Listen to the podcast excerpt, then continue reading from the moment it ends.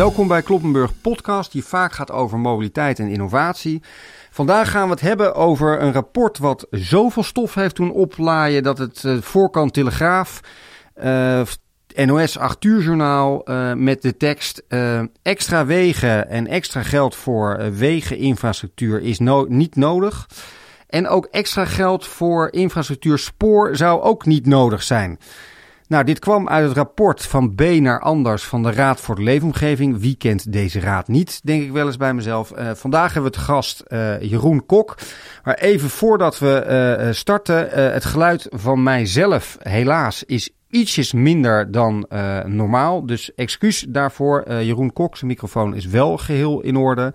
En eigenlijk starten we direct met de vraag aan Jeroen Kok van wat is nou eigenlijk gewoon de essentie van dit hele rapport? Waar gaat het nou eigenlijk over? De essentie is dat we eigenlijk met z'n allen donders goed weten dat uh, zeg maar de oude manier van het infradenken niet werkt. En op onverklaarbare wijze, zo ben ik in ieder geval aan begonnen, we het allemaal nog steeds blijven doen. Dus de essentiële vraag die daarachter komt is, waarom? Waarom blijven we met z'n allen in Nederland miljarden uitgeven aan extra wegen, extra rijkspoor, terwijl men weet dat het niet werkt. Ben je dan ooit aan gestart? Zeg maar? Het oprechte antwoord is dat wij gewoon eerst dachten: geven we ons geld nou efficiënt uit? Dus we hadden nog geen voor, voor ingenomen mening dat het goed of fout gaat. Gewoon laten we eerst eens kijken. En natuurlijk heb je in je eigen hoofd dan van we moeten naar mobiliteitsdenken, we moeten naar uh, over de mobiliteiten heen, schotten weg, allemaal dat soort dingen. Maar lees je die beleidsdocumenten door, nou, die staan er vol van. De ene mobiliteits as a service die struikelt over de ander. We gaan allemaal mobiliteitsdenken doen. Is, dus ook de onderzoekteam dacht letterlijk: ja, we hoeven eigenlijk geen advies uit te brengen, want het gebeurt allemaal al. Ja, laten we één stapje terug gaan voor de luisteraars, want ik denk dat er extreem veel luisteraars bij helemaal niet weten die, die fantastische Raad voor de Leefomgeving. Uh, wat is die raad en waarom doet die dan een onderzoek? Dat, dat dat even uitgelegd wordt. De Raad voor Leefomgeving en Infrastructuur is een adviesorgaan wat adviezen brengt aan de regering en de Tweede Kamer. Um, gevraagd en ongevraagd. En dat uh, bestaat uit mensen die, uh, tien leden, die nou, de afgelopen jaren hun sporen hebben verdiend op dat gebied. En zij uh, brengen zo'n zes tot zeven rapporten per jaar uit. En dit advies, was dit gevraagd of was het ongevraagd? Dit was een uh, gevraagd advies. Uh, dus wij stellen een agenda vast voor agenda. Die wordt overlegd met de ministeries. En daar wordt dan, uh, zeg maar, die adviesvragen worden daar uh, voorgelegd. Wat doe jij dan? Zit jij vijf dagen per week bij de Raad voor de Leefomgeving? Ik, ik, zou, wel, ik zou wel willen, maar dat, uh, nee, dat is een aanstelling voor één dag per week. En dat geldt voor alle leden. En alle anderen, net zoals ik zelf, hebben daarnaast ook gewoon nog een, een baan in het zij overheid of bedrijfsleven. En voor mij geldt dat dan met name in het buitenlandse bedrijfsleven.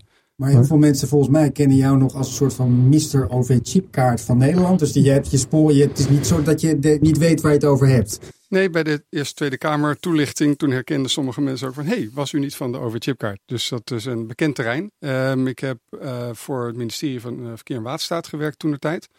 Als laatste opdracht nog het bereikbaarheidsoffensief Randstad. En als je nou eens teruggaat naar die essentie van dat, uh, uh, van het rapport, dan zeg je eigenlijk samenvattend: ja, we weten eigenlijk dat we dat niet meer moeten doen. Uh, maar we doen het toch. Maar neem ons even mee in een paar voorbeelden dat luisteraars toch eigenlijk kunnen voelen van oké, waar zeg jij dan dat zijn toch twee of drie voorbeelden waar we gewoon zien dat het niet gewerkt heeft? Nou ja, kijk, de, de, de, de, vrij, de meest simpele is dat de hele strategie voor de wegen bijvoorbeeld natuurlijk gebaseerd is op het verstevigen van het Rijkswegennet. En dat heeft de afgelopen 40 jaar tot een ongelooflijk mooi Rijkswegennet uh, uh, opgeleverd. Um, maar kijk je nu naar het Rijkswegennet en kijk je nu naar het oplossen van knelpunten op die Rijkswegen, um, dan heb je daar natuurlijk helemaal niks aan. Er is ook geen vervoerskundige binnen de Rijkswaterstaat die denkt dat het om vervoersreden verstandig is om nu nog knelpunten om de Rijkswegen op te lossen. Want één, als je het oplost, dan sta je vijf seconden later weer vast in de volgende file. Je komt de snelweg ook niet af.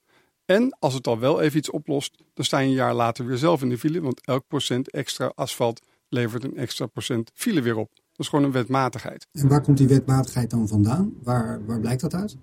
Ja, dat, is, dat is zelfs een, internationale bekende. Dat is zelfs in Toronto, waar ik dan ook mag werken, het geval.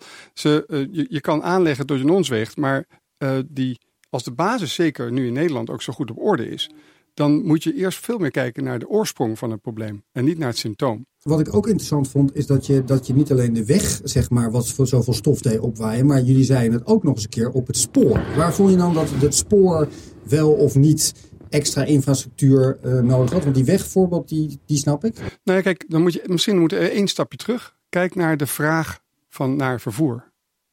De vraag van vervoer bestaat voor 80% uit bewegingen tussen de 1 en 15 kilometer. 0 en 15 kilometer. Um, terwijl al die rijkswegen en rijkspoordiensten uh, zijn allemaal met de visie op lange afstand. Dus in plaats van aanbodgedreven uh, systeem neer te leggen, laten we naar die vraag kijken. En die vraag is helemaal niet van uh, Groningen naar, naar, naar Vlissingen. Nee, die vraag is van waar ik net zat op de Zuidas naar hier op de Amstel. Um, en hoe kom je daar nou slim? En wat zijn daar dan de modaliteiten voor? En dan blijkt dat dat Rijkswegen en Rijkspoor in die zin geen efficiënte bijdrage daar natuurlijk aan levert. Dan kan je naar een matrix van maatregelen kijken die dat oplost. Um, en dat geldt zowel voor weg als voor spoor. Want vroeger zeiden we ook, uh, als we met dat dossier zaten, we stellen de reiziger centraal op centraal. Maar ja, de meeste mensen willen helemaal niet naar Amsterdam Centraal. Die willen de stad in.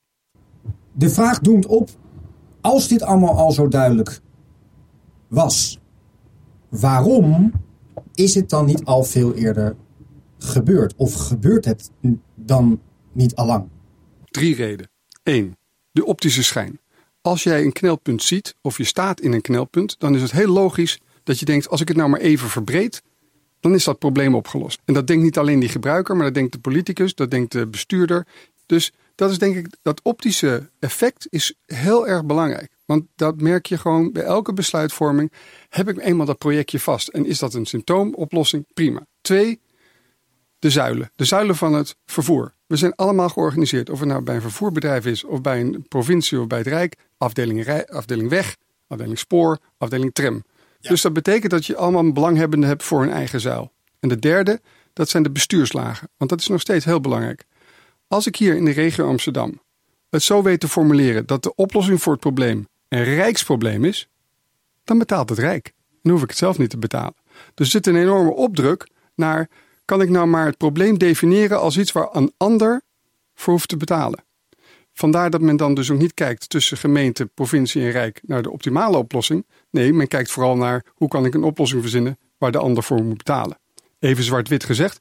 Maar deze drie redenen houden dit systeem redelijk goed in stand. En uh, kan je nog meer voorbeelden geven waarbij je letterlijk op straatniveau, misschien zelfs wijk, misschien stad, waarbij je zegt, ja, dat zijn de schoolvoorbeelden dat, het, dat een infrastructuuruitbreiding eigenlijk geen zin heeft. Je hebt het tot nu toe op een abstractieniveau verteld, maar als je echt gewoon in jouw schoenen, waar je nu ergens vandaan komt, of kan je daar één geven op weg en één op spoor? Daar ben ik benieuwd naar. Nou, die spoor vind ik zelf, als ik daarmee mag beginnen, Den Haag Centraal blijft mijn favoriet. Ik ging vroeger als ambtenaar van Amsterdam naar Den Haag Centraal en landde daar op spoor 11 en 12. Die zijn de laatste 10 jaar al niet meer gebruikt.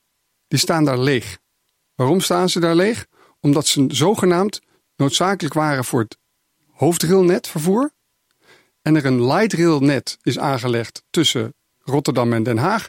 Randstadrail ja, ja, over het bestaande spoor. Een van de beste projecten die we met z'n allen hier hebben bedacht. Maar die mocht niet op dat spoor aanlanden. Die moest naar boven. Dus voor 100 miljoen. Een soort van Kafka-achtige situatie. Zeker. Nou, als mensen dit horen, dan zeggen ja, maar dit was vroeger. En wat ik dan daar tegenover zeg.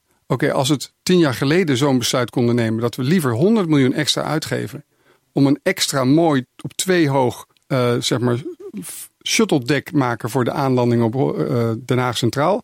dan denk ik laten we dat alsjeblieft voorkomen voor elke volgende beslissing.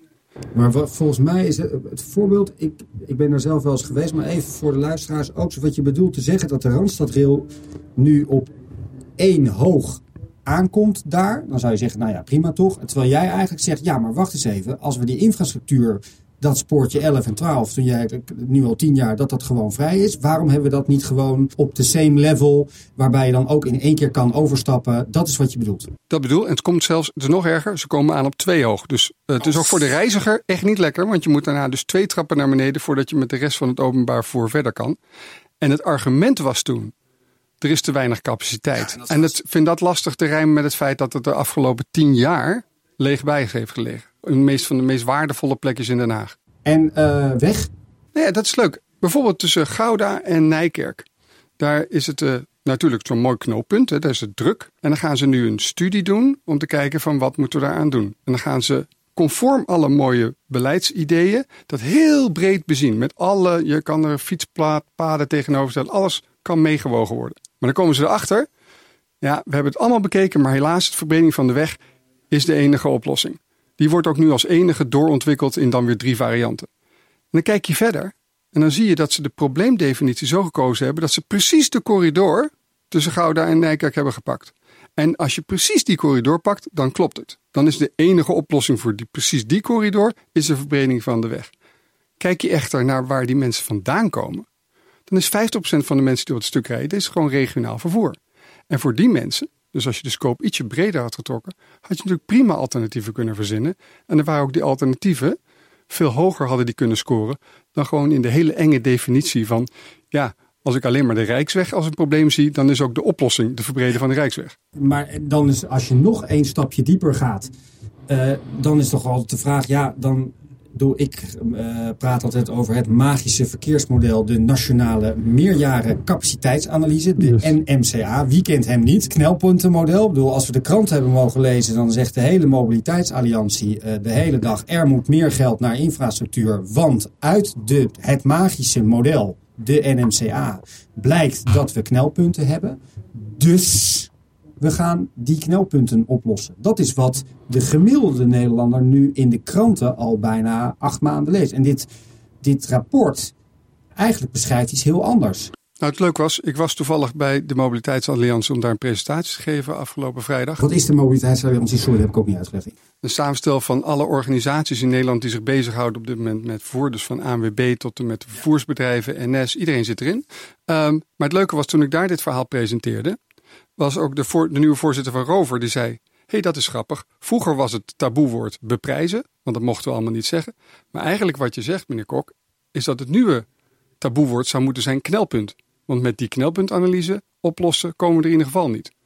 Toen dacht ik, nou, dan is in ieder geval die boodschap helder overgekomen. En ik denk dat uh, als je kijkt naar nieuwe infrastructuur of nieuwe oplossingen, dat die natuurlijk op een heel ander onderwerp wel van belang zijn. En dat gaat. Ja, kijk, is de regio Den Haag, Rotterdam, Zoetermeer. Daar moeten 200.000 woningen de komende periode bij. Nou, als je dat probeert te plotten op die kaart en je kijkt naar wat er gewoon wat er nu aanwezig is aan infrastructuur, nou, als je dat op de klassieke manier gaat doen, dan heeft het meer bijleggen van meer snelweg al helemaal geen zin meer. Want je komt er niet naartoe en je komt er ook niet meer vanaf.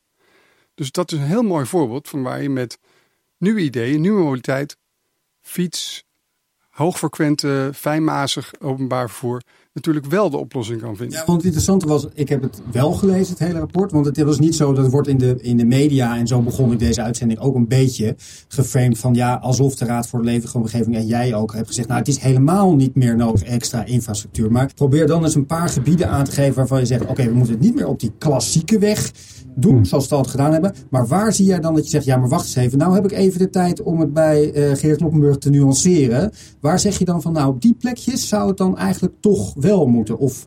Nou, stap 1 is het is dus een gedifferentieerde aanpak. Want de aanpak voor Enschede en omgeving is gewoon een hele andere dan uh, voor de Randstad. Want de problematiek is anders. Twee, inderdaad, in die Randstad zijn natuurlijk een aantal gebieden waar het nu gewoon heel spannend wordt. Ja. Uh, met enorme opgaven voor de woningbouw. En ik denk dat daar uh, als je daar kijkt van hoe kunnen we nou die woningbouw niet achteraf, maar vooraf combineren met de mobiliteitsaanpak. Fijnmazig, hoogfrequent. Denk dat we dan de goede dingen doen. Liefst gebruikmakend van bestaande infrastructuur. Dus zoveel mogelijk. Maar ook het upgraden van de infrastructuur, dat kost gewoon geld. Dus dat je daarvoor natuurlijk ook middelen nodig hebt, dat staat buiten kijf. En uh, zie je dan voorbeelden, omdat je zelf voor je werk in het buitenland ook nog veel komt, zie je voorbeelden uit buitenlanden, weet ik, Amerika, Zuid-Amerika, Azië, waarvan je zegt, daar zie je of dezelfde conclusies. Het werkt niet, het verder alleen maar infrastructuur. Of kan je voorbeelden geven uit het buitenland waarbij je zegt, ja, daar gaan ze de goede kant op. dank voor de vraag. Ik denk dat waar het niet werkt, of uh, dus bijvoorbeeld zo Toronto, dat is typisch ook Noord-Amerika. Daar je dus de grootste groei van stedelijke regio's uh, heel Noord-Amerika. En daar proberen ze gewoon nog klassiek met meer weg op te lossen. En je ziet dan, dat is de, de hoogste piekbelasting van een netwerk die ik ooit heb gezien. En ze vinden het heel moeilijk om daarvan af te stappen. Want het enige wat ze dan denken is, we pakken er meer parkeergarages bij en dan lost zich dat op. Hoeveel kilometer file staat er dan? Of hoe lang doe je dan over een stukje van vijf kilometer? Mensen zeggen 2,5 uur. Voor heel veel mensen is het nu ondertussen 2,5 uur om naar je werk te komen. Want het is zeg maar, het wonen nu 6,5 miljoen mensen. Daar wonen binnenkort 15 miljoen mensen in die regio. Dat groeit als kool. Maar die infrastructuur kan dat helemaal niet bijhouden. En ze proberen dat nog op de klassieke manier te doen. Kijk je andersom naar steden als Seoul uh, in Korea, Zuid-Korea of Singapore, dan denk ik dat je daar de goede voorbeelden ziet. En wat, daar, wat ik er zo knapper vind, is dat ze daar die integratie echt gedaan hebben. Daar heeft dus gewoon, heb je dus een overheid die wat wil. Die zegt van nee, we vinden dit een gemeenschappelijk belang. Dus door Seoul liep dus de, de belangrijkste snelweg door Seoul was gewoon dwars door de, door de woonwijken heen. Daar was vroeger, 60 jaar geleden, liep daar een rivier. En dan waren het kottenwijken. Snelweg overheen, want dat was toen modern. Dat is nu de was de meest vervuilende snelweg dwars door de stad heen, maar die wel al het vervoer afhandelde. Ze hebben die snelweg afgebroken en ze hebben er weer een rivier van gemaakt. Moord en brand, maar dat kan helemaal niet. Die hele stad loopt dus vast. Maar dat was niet zo, want ze hebben tegelijkertijd dus zo'n overchipkaartje ingevoerd in die regio en de bussector volledig uh, geherstructureerd, waardoor het dienstenniveau keer 10 ging. Dus dan breng je dus, heel grappig genoeg, breek je infrastructuur, oude infrastructuur af. Zorg je voor hoogfrequent, fijnmazig, gecombineerd busvervoer met light rail en een geïntegreerd ticketing En bleek uiteindelijk de mobiliteitsbehoefte verbeterd in plaats van verminderd. Is er ook niet een voorbeeld daarvan in Nederland, in Rotterdam? Dat je eigenlijk de Koolsingel, wat vroeger een van de grootste binnenstedelijke snelwegen was, die eigenlijk dit voorbeeld ook, wat nu uh, uh, smaller gemaakt worden. Is dat dezelfde type parallel die je... Die... Absoluut. Ja, en het tweede wat we natuurlijk in Nederland heel goed doen, als we toch even daarover mogen zeggen, is natuurlijk ook die fietspaden die we daarna nu overal aan het aanleggen zijn. Die zijn natuurlijk fantastisch. Dat vind ik echt... Ik kom nou letterlijk van de Zuidas naar hier, uh, naar jou toe hier. En dat, ik fiets dwars door meest drukke kantoor complexen heen over een fiets. Dus je zegt van wat hebben we nou, doen we nou in Nederland wel heel erg goed? De fietsinfrastructuur. Ja, die is briljant. En daar moeten we ook vooral natuurlijk op door. En je ziet op dat, als we het nou hebben over fijnmazig, korte afstand vervoer, hoogfrequent, dan is dat fietsvervoer natuurlijk gewoon prima. En je ziet dat dat overal enorm toeneemt. Oké, nou hartstikke mooi heb je dat rapport gemaakt, maar ik neem aan dat dit rapport gewoon in de la uh, uh, belandt.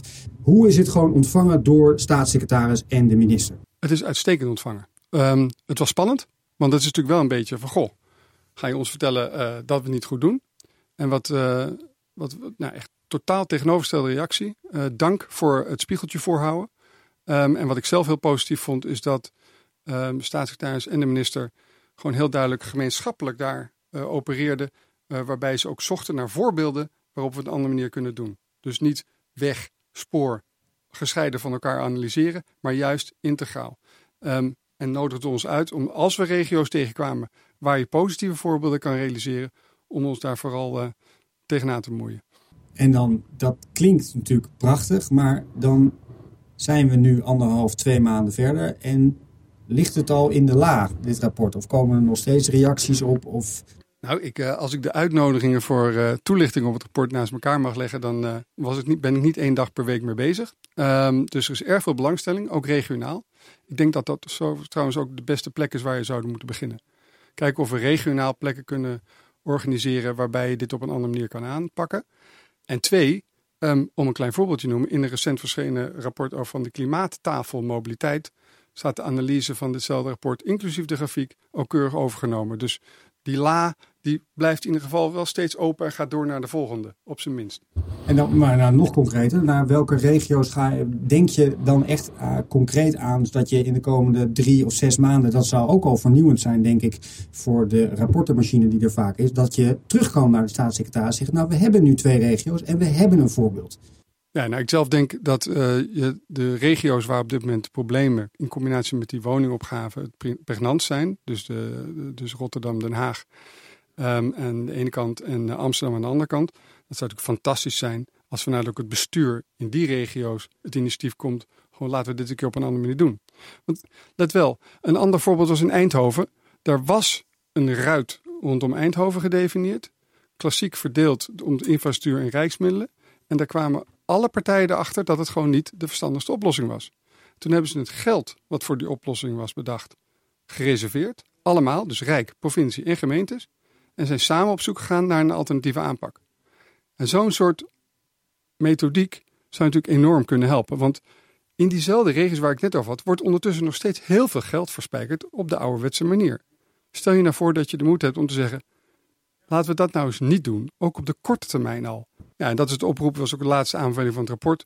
Goh, we vinden gewoon zonde dat wel de goede richting is ingezet in het regeerakkoord. Maar waarom zouden we nu tien jaar verliezen om nog op de ouderwetse manier gewoon dingen te verdelen tussen spoor en weg? Terwijl dat gewoon, zonder nog zelfs te weten welk probleem we er precies mee oplossen.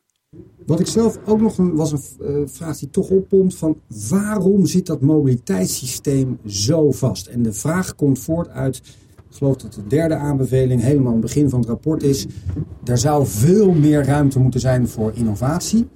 Uh, maar dat is er eigenlijk niet. Dus waarom zit dat huidige systeem zo vast?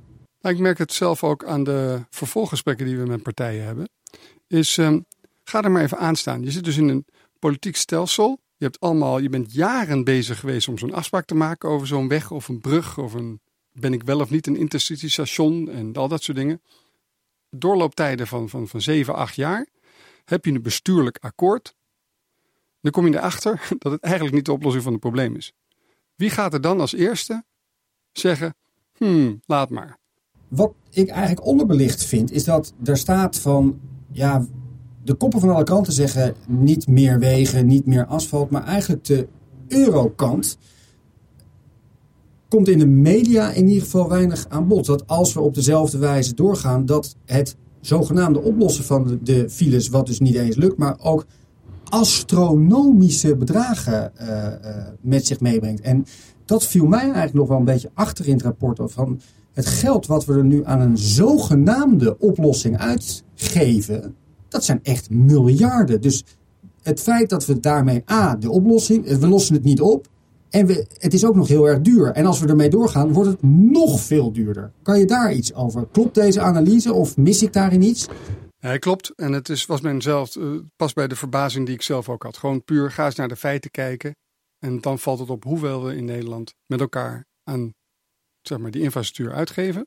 En hoe die nieuwe oplossingen en het nieuwe geld ook weinig bijdraagt dan aan de feitelijke echte oplossing die je erachter zocht. Ja, dan zag je met officieel het woord zeggen het rendement van de publiek geïnvesteerde euro. Maar gewoon, als je er miljarden extra leveren dan eigenlijk maar heel weinig op. Dat zie ik heel weinig in de koppen van de kranten.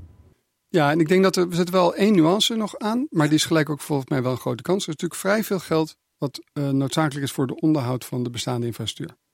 En uh, dus van dat geld, het astronomische bedrag, stel eventjes ook het, uh, het infrafonds van het Rijk, ja. dan heb je het echt over bijna de helft wat er gewoon nu voor onderhoud van wat we al hebben noodzakelijk is.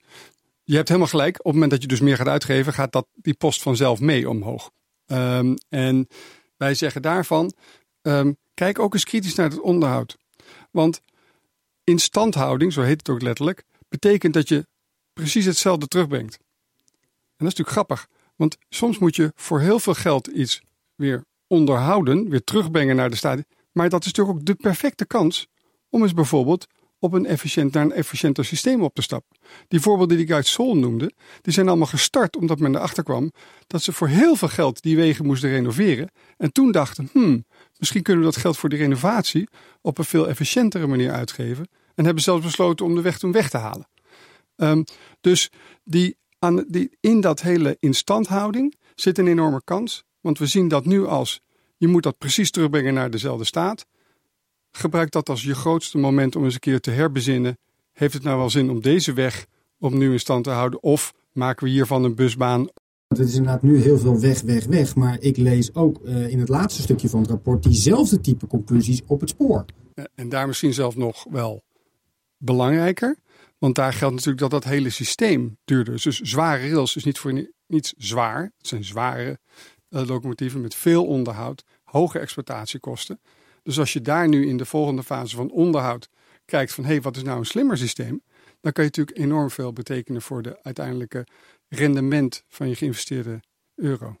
En als ik jou nou over een half jaar uh, weer bel en zeg, nou, uh, we leven zo medio uh, ik weet niet, de, december, januari. En wat hoop je dan dat de eerste stappen zijn naar aanleiding van dit rapport? Ik geloof heel erg in de onderopbeweging. Dit gaat niet van boven uh, veranderen. Um, dus ik heb mijn hoop gevestigd op een aantal regio's waarvan de bestuurders zeggen: we zitten hier gewoon met een enorme uitdaging. Er komen woningen bij, we willen het leefbaar houden, duurzaamheidschallenge.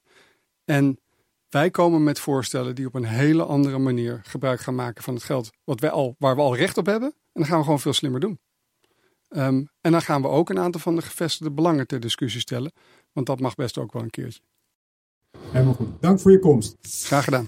Dank voor het luisteren. Dit was uh, uh, Kloppenburg Podcast, die vandaag wel over een vrij vernieuwend rapport ging. Het van B naar anders. Uh, als u zou willen reageren, heel graag. Dat kan naar geert.geertkloppenburg.nl.